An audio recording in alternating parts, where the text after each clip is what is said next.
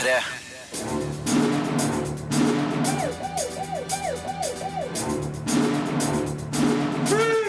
Filmpolitiet! What's your name, dude? Birger Vestmo. What kind of stupid name is that? Eddie the Eagle er et hoppteknisk mareritt. Gods of Egypt er et makkverk. The Boy er en gammeldags grøsser. Den franske forbindelsen er solid narkokrim. Og Min datter, min søster er et interessant drama. Ukas kinopremiere anmeldes altså, men vi har òg sett noen TV-serier. The Path er et fengende religionsdrama. Lucifer er teit, men morsomt. Og vi har sett Mammon i både polsk og tsjekkisk versjon. Filmpolitiet anmelder film.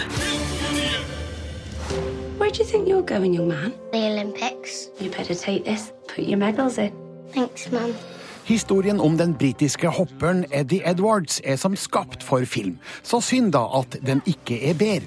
Eddie the Eagle er tilsynelatende beregna for dem som aldri har sett et eneste skihopp i hele sitt liv.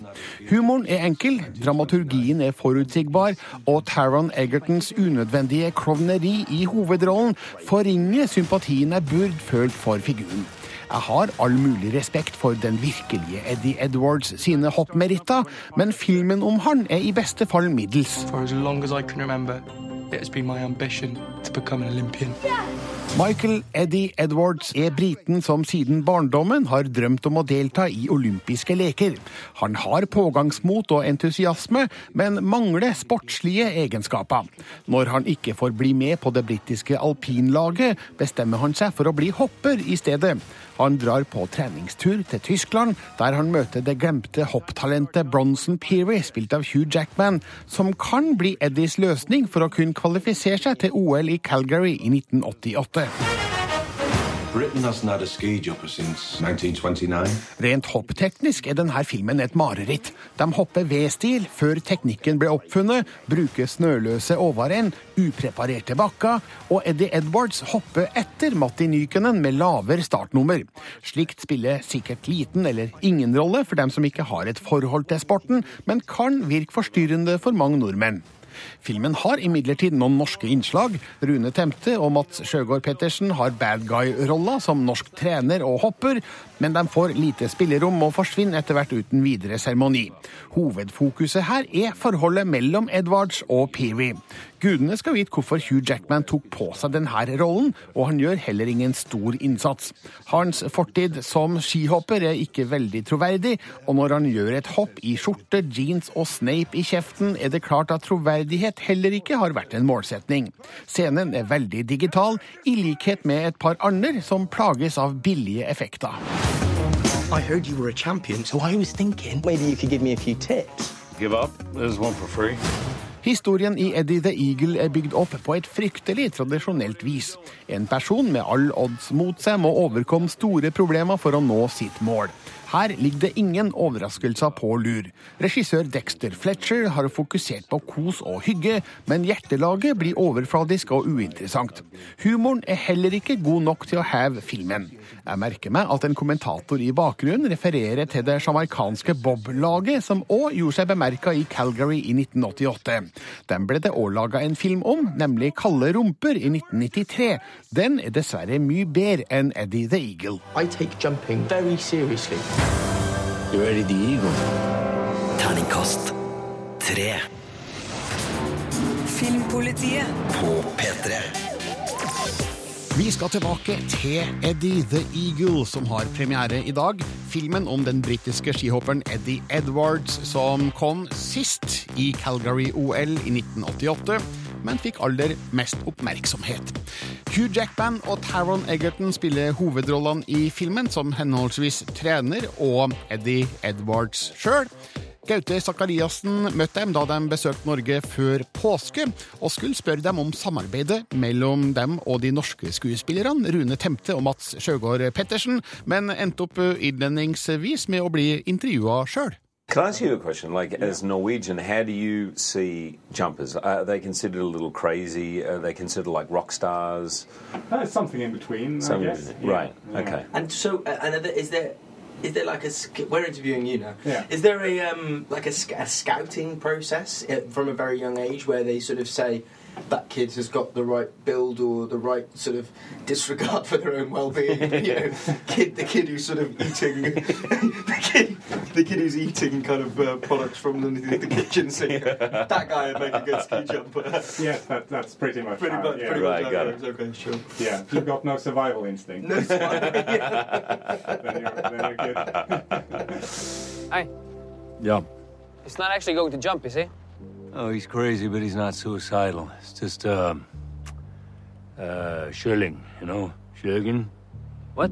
Game of chicken, shirling. Uh, you worked with some Norwegian actors uh, too uh, Hmm. during the production. Uh, how, how was that? Awesome. Awful, yeah. because they It are was awesome actually- for them. No, yeah, no, It was awesome. no, it was amazing. Uh, Rune and Mads, uh, both fantastic actors, and, and they really got into the spirit of the movie. We had his director Dexter Fletcher, who's been in 75 movies himself, and he started every day by saying, "Let's make a movie," and used to yell, and everyone had a great time. We It was laughed a, a, lot, and fun kind of Yeah. because we were all we were all out away from home. We were all in Germany Yeah. shooting, and it was just a really nice spirit of sort of togetherness. And the guys were fantastic.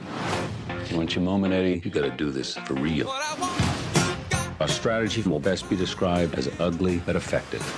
Uh, they do come off sort of like jerks in the film, though. I know. Yeah, Yeah. a few people have said this. I kind of Well, feel bad for our- them actually, and the Norwegians. I feel bad for Eddie's dad. He kind of comes Our off defence as a is jerk that as there are some English jerks as well. It's Eddie, true. Eddie's dad's a bit of a jerk. Yeah. The head of the British Olympic Association is the king of The all king the of- jerks yeah. in the movie. And there were some Australian jerks, but we cut them out. We cut out in Australia. You, well, that's, that- that's, you have that in your contract, don't you? It's true. You have select- you know, editorial selection. No.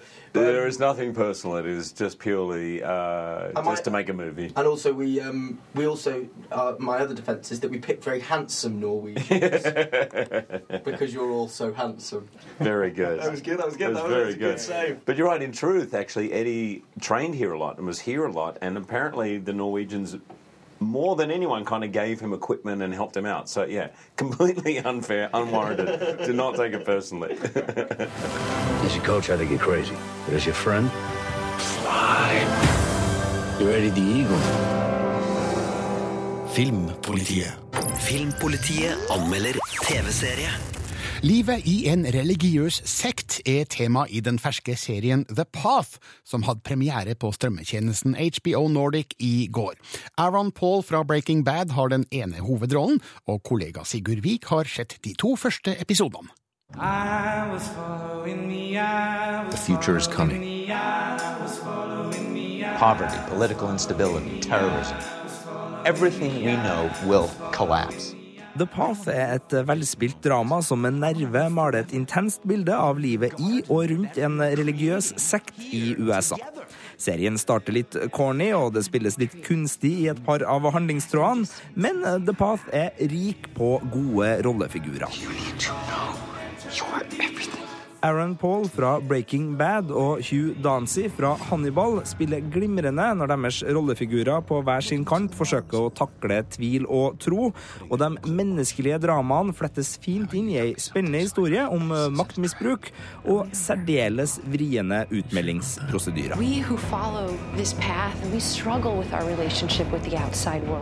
Aaron Paul spiller Eddie Lane, en familiemann med hengiven kone, idyllisk hage og to veloppdragne barn. Livet leves i staten New York i ei sekt som er dedikert til majerismen. Eh, Det følger en sånn hippieglad blanding av økologisk dop, gudetro og en nivåbasert stige som fører til paradis. Et laidback ytre, men et rigid hierarkisamfunn bak lukka dører. Og som Eddie raskt finner ut, så forsvinner all vennlighet ganske kjapt hvis du begynner å tvile på budskapet. Looking into the Myris movement. I'm putting them on cold watch. How you tell me something so I know that this isn't a trap? Uten å peke på noen bestemt trosretning, så har serien en samfunnsrelevans som gjør den både viktig, litt modig og aktuell. Serieskaper Jessica Goldberg er god til å vise oss det absurde i en sekts oppbygging og lære, samtidig som hun viser oss hvor avhengig mennesker kan bli av både fellesskapet og tryggheten som finnes ved å være blant de utvalgte få og leve under strenge regler. Eddie. When you came to us, what did you find? Dem som trykka Aaron Pauls rollefigur i Breaking Bad til sitt bryst, vil kunne kjenne igjen mye av Jesse Pinkman i The Path. Paul leverer igjen en veldig god tolkning av en usikker og fortvila mann, plaga av en ødelagt ungdomstid, desperat etter å bedøve smerten, men ute av stand til å finne stabil ro i en kur som bare lurer hjernen til å tro at alt er bra. Dette er absolutt en serie å sjekke ut hvis du er glad i gode familiedrama som evner å utforske motsetningsfylte og tettvevde miljø. Og hvis The Path fortsetter på samme kurs som sesongåpninga staker ut, så lover det her til å bli en serie som både kan bevege og underholde. Terningkast fire Filmpolitiet på P3. Det du nettopp hørte, det var Dance Off med Macklemore, Ryan Lewis, Idris Elba og Anderson Park. Før den hørte vi Closer med Lemetre og Jenny A. Nå skal det dreie seg om premierefilmen Gods of Egypt, der Gerard Butler og Nicolai Coster Waldau spiller egyptiske guder. Marte Hedenstad er ikke imponert, for å si det mildt. Filmpolitiet anmelder film.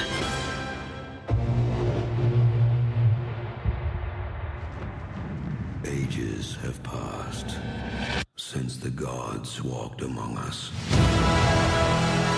Ouch. Det kunne ha vært alt jeg hadde å si om det mytiske kostymedramaeventyret Gods of Egypt, for filmen er en vond opplevelse. Ikke fordi den er dyp og hjerteskjærende på noen måte, men fordi den rett og slett er noe av det dårligste rælet jeg har sett på lenge. Filmen er en CGI-orgi uten like, noe som sjeldent er bra. Spesielt ikke når de visuelle effektene er så dårlige som her. Et svakt manus, platte rollefigurer og en historie som aldri engasjerer, spilles ut av skuespillere fra bl.a. Sverige, Skottland, Australia og Frankrike. Filmen utspiller seg altså i Egypt. Desert! Gods of Egypt tar oss med til en verden der jorda er flat, og guder som er høye som kjemper og som blør flytende gull, lever blant menneskene. Guden Osiris er herskeren av Egypt, men ønsker å avtre fra tronen og gjøre sin sønn Horus, spilt av Nikolai Koster Waldau, til farao. Alt er fryd og gammen helt til broren til Osiris, Seth, spilt av Gerard Butler, tropper opp for å stanse kroningen. Han dreper Osiris, stjeler øynene til Horus og gjør menneskene til slaver. Heldigvis har vi en helt som kan redde dagen oppi det hele. Den Aladdin-aktige skikkelsen Beck, spilt av Brenton Thwaites, er en listig tyv med et godt hjerte som legger ut for å stjele øynene til guden tilbake. I don't know if I'm strong enough. So. Hvis jeg skal beskrive Gods of Egypt med ett ord, så er det glorete. Scenografien er dynka i gull og varme fargetoner, og det overdådige, datagenererte landskapet handlingen utspiller seg i, gir fiksjonsverdenen en fullstendig mangel på troverdighet. Men eh, et troverdig fiksjonsunivers er åpenbart ikke noe filmskaperne har brydd seg nevneverdig om, noe som er tydelig i filmens casting. At den ene egyptiske guden i hovedrollen spilles av Skandinavias Adonis, mens den andre er en ekstremt solariumsbrun skotte, er så absurd at det blir lattervekkende. Nå er det ikke først og fremst Gerard Butler og Nicolai Coster Waldau sin skyld at filmen er dårlig. Filmens manus er det lite de får gjort noe med. Rollefigurene er grunne, og dialogen er svak. Og selv om Brenton Twaits er ganske sjarmerende som rappkjefta tyv, så klarer han på ingen måte å redde filmen av den grunn. Gods of Egypt er og blir et makkverk av en film. Gudene vet hva filmskaperne tenkte.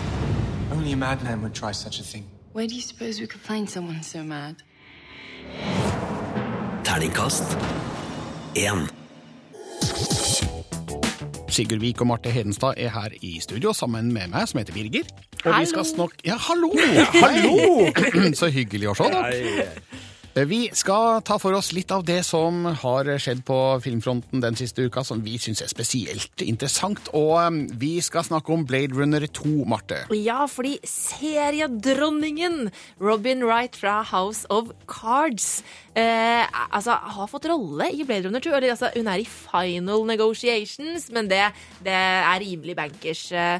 Og det er jo ganske så spennende. Men Ja. hvem skal hun spille, mon tro? Nei, Det vet vi ikke. Har vi noen teorier her, Sigurd? Jeg er jo glad i eh, hårpryd. Kan det være et stikkord? Eh, Altså, Jeg tenker jo at uh, figuren Rachel fra den originale Blade Runner-filmen, som ble spilt av Sean Young, skal kanskje uh, Robin Wright spille den eldre versjonen, hvis Ja. Rachel kan aldres. Hun Ja. er jo en androide. Det er hun med håret, ikke sant? Det er hun med håret, ja. hun med håret, ja. ja, Den det er flotte lenge siden jeg har sett Blade Runner, gitt. Men altså, jeg, jeg tror at uansett om det er henne eller ikke, så, så tipper jeg at det er en androide Wright skal spille. For hun har jo et veldig sånt kaldt fjes. Skjønner du hva jeg mener? Symmetrisk heter det, Marte. Symmetrisk, men Symmetrisk ansikt. Ja, hun spiller jo omtrent androide i House of Cards. badass. Vi får se. Hun er da sammen med Harrison Ford og Ryan Gosling i Mm. filmen som Dennis Villeneuve regisserer. Ben Affleck han har eh, gått hen og skrevet manus for en egen Batman-film. Ja, og det syns jeg er veldig interessant. Altså, han har jo allerede kontrakt på at han skal spille i to Justice League-filmer eh, til, så han blir å se Batfleck blir å se flere ganger. Men jeg må si, Marte, du har jo ikke sett uh, Nei, Batman vs. den Superman ennå. Det har jo Birger og jeg. Vi har jo sett den. Og jeg ser for meg, Birger, og til dem der ute nå som, som har sett filmen Ben sitter i Batman-kostymet sitt nede i, i kjellerstua og hamrer løs på tat- tastaturet sånn And then I walk up the stairs. Men Men det er visstnok ferdig skrevet, altså. Men husk nå at Ben Affleck han er en god manusforfatter. Han vant Oscar for den enestående Will Hunting sammen med Matt Damon. Og han skrev også sine egne filmer Gone Baby Gone og The Town, så skal ikke kimse av Affleck som Batman-skribent. Men jeg ser for meg at han sitter i kostyme når han skal Det hadde vært veldig gøy.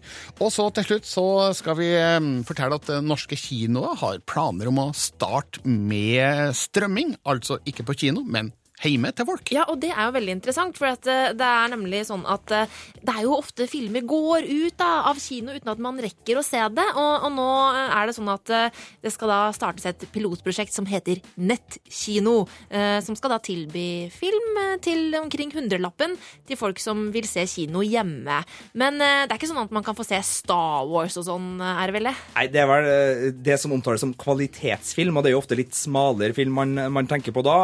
Og det er da snakk om å tilby det her i det såkalte mellomvinduet, altså mellom det tradisjonelle hjemmevideovinduet, hvor du får ting på iTunes og på uh, Blu-ray i, i butikken, uh, og at det skal komme litt tidligere da. Og jeg tenker det, det er jo kult med nye tilbud som tilbyr med film til folk, så det er jo Mm. ypperlig, og man sitter jo av og til og irriterer seg over åh, søren, må jeg vente liksom i to måneder til jeg får sett den filmen? Vi får, se, vi får se hvor flinke de er til å få ut det her eh, prosjektet. De må lage app til IOS og Android, sier jeg bare. Filmpolitiet anmelder film. We've had a number of potential nannies come through already. Do you think you can manage? Of course. The Boy er på all måte en gammeldags film som forsøker å hylle eldre tiders grøssere, men stivner i formen og blir en anelse kjedelig. Den er vakkert filma i effektiv scenografi, men skremmetriksene er velkjente og utdaterte.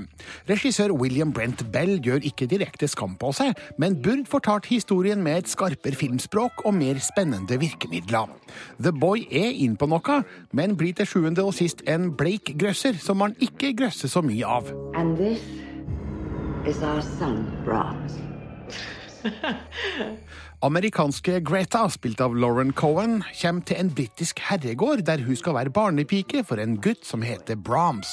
Det skal imidlertid vise seg at Brahms er en skummel dukke, og snart begynner det å skje flere merkelige ting i det store huset. Situasjonen tilspisser seg når Gretas voldelige ekskjæreste Cole kommer over Atlanteren for å få hun tilbake. Brahms is not like other children. It is very important that you follow these rules. Be good to him, and he'll be good to you. Det viser seg allerede i fortekstene at det satses på gammel og ærverdig stil, med sirlige border under ukjente navn, smektende strykere, en gammel taxi og en stor herregård med en imponerende port. Det ser pent ut og vekker minner fra gamle Hammer-filmer. Men The Boy holder seg for det meste på den pene og reine sida av skrekkfilmsjangeren. Jeg hadde likt den bedre om den hadde trådt til med hardere horror. You okay? I needed someone else to see it. See what? Lauren Cohen er godtakbar i hovedrollen som Greta. Rupert Evans er også akkurat passe sympatisk i rollen som Malcolm. Den beste figuren er Brahms, som altså er en dukke. Dette er filmens beste effekt, med et foruroligende uttrykk som gir en umiddelbar uggen følelse. By the time the police arrived, the place was up in flames. The Boy er altså pent laga. Kanskje til og med litt for pent.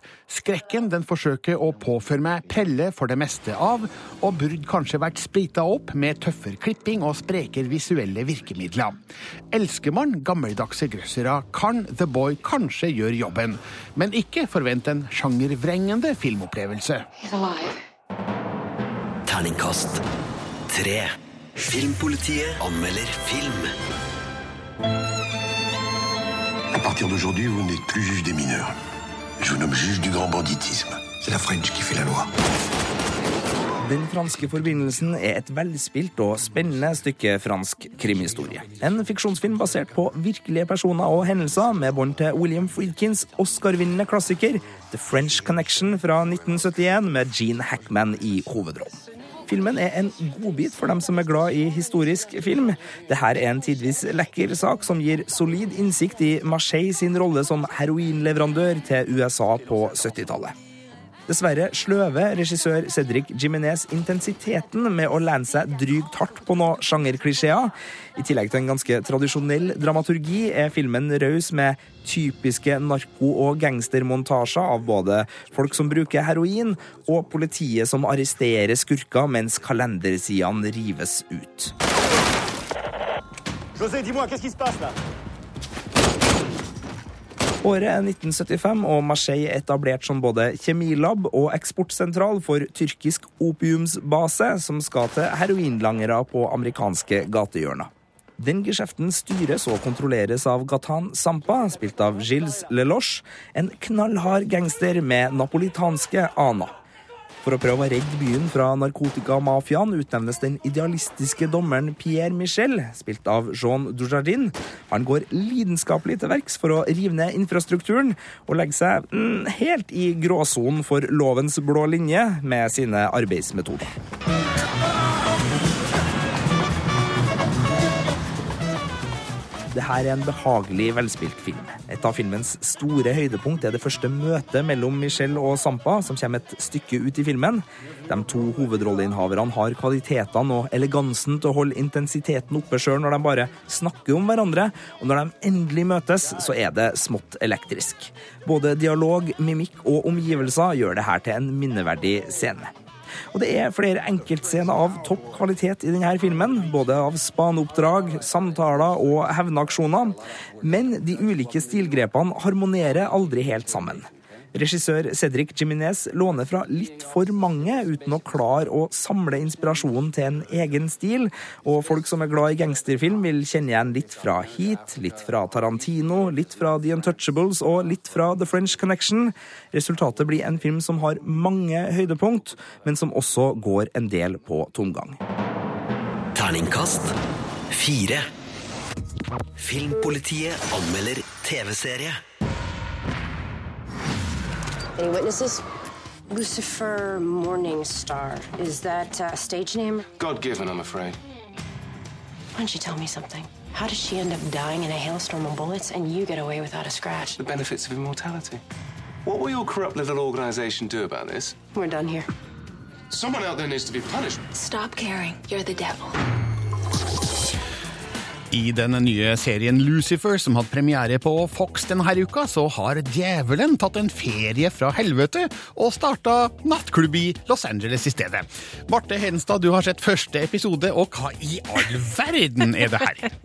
altså, det her er rett og slett en, eh, en ny TV-serie som er uh, inspirert av tegneserien The Sandman, uh, hvor da er birollen i The Sandman Lucifer, som den må ha trukket frem, da.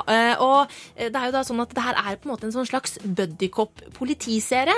Eh, hvor eh, da eh, Altså, Lucifer han eh, lever livet som damebedårer i LA og trives med det, men så en dag så blir en av liksom hans favorittdamer drept, og da blander han seg inn i LAPD sitt liksom etterforskning, da. Ok, men det, altså Politiserie, det er en veldig smart rollefigur, Yes. som, som gjerne er en sjarmerende drittsekk. Hjelpe politiet med å løse mordsaker, det er jo en velkjent oppskrift. Absolutt. Altså, Hvordan måler Lucifer seg med serier som Castle og Elementary, f.eks.? Altså, Kvalitetsmessig så legger nok Lucifer seg noe litt eh, lavere. fordi at altså, konseptet er jo ganske corny, eh, for å si det forsiktig. Og så er det liksom overnaturlige elementer her, som englevinger og sånn øyne, demonøyne og sånn, som ser skikkelig dårlig ut. Um, og så er ikke eh, altså Hun som spiller eh, den kvinnelige hovedrollen eh, Hva heter hun igjen? Ah, hun politidama. som Kom igjen nå, kom igjen. Heter Chloé Decker, spilt av Lauren German. Jeg fikk litt jernteppe, beklager. Ah, Eh, hun er en litt sånn platt rollefigur. eh, En klisjé som på en måte ikke blir utdypa, dessverre. Eh, Men han eh, godeste Tom Ellis, som spiller Lucifer, han er dritkul. Eh, Så selv om det er litt sånn teit, så, så er det skikkelig underholdende greier der, altså. Går på Fox, starta mm. denne uka. Yes, hver onsdag. Og Marte, du gir Terningkast tre.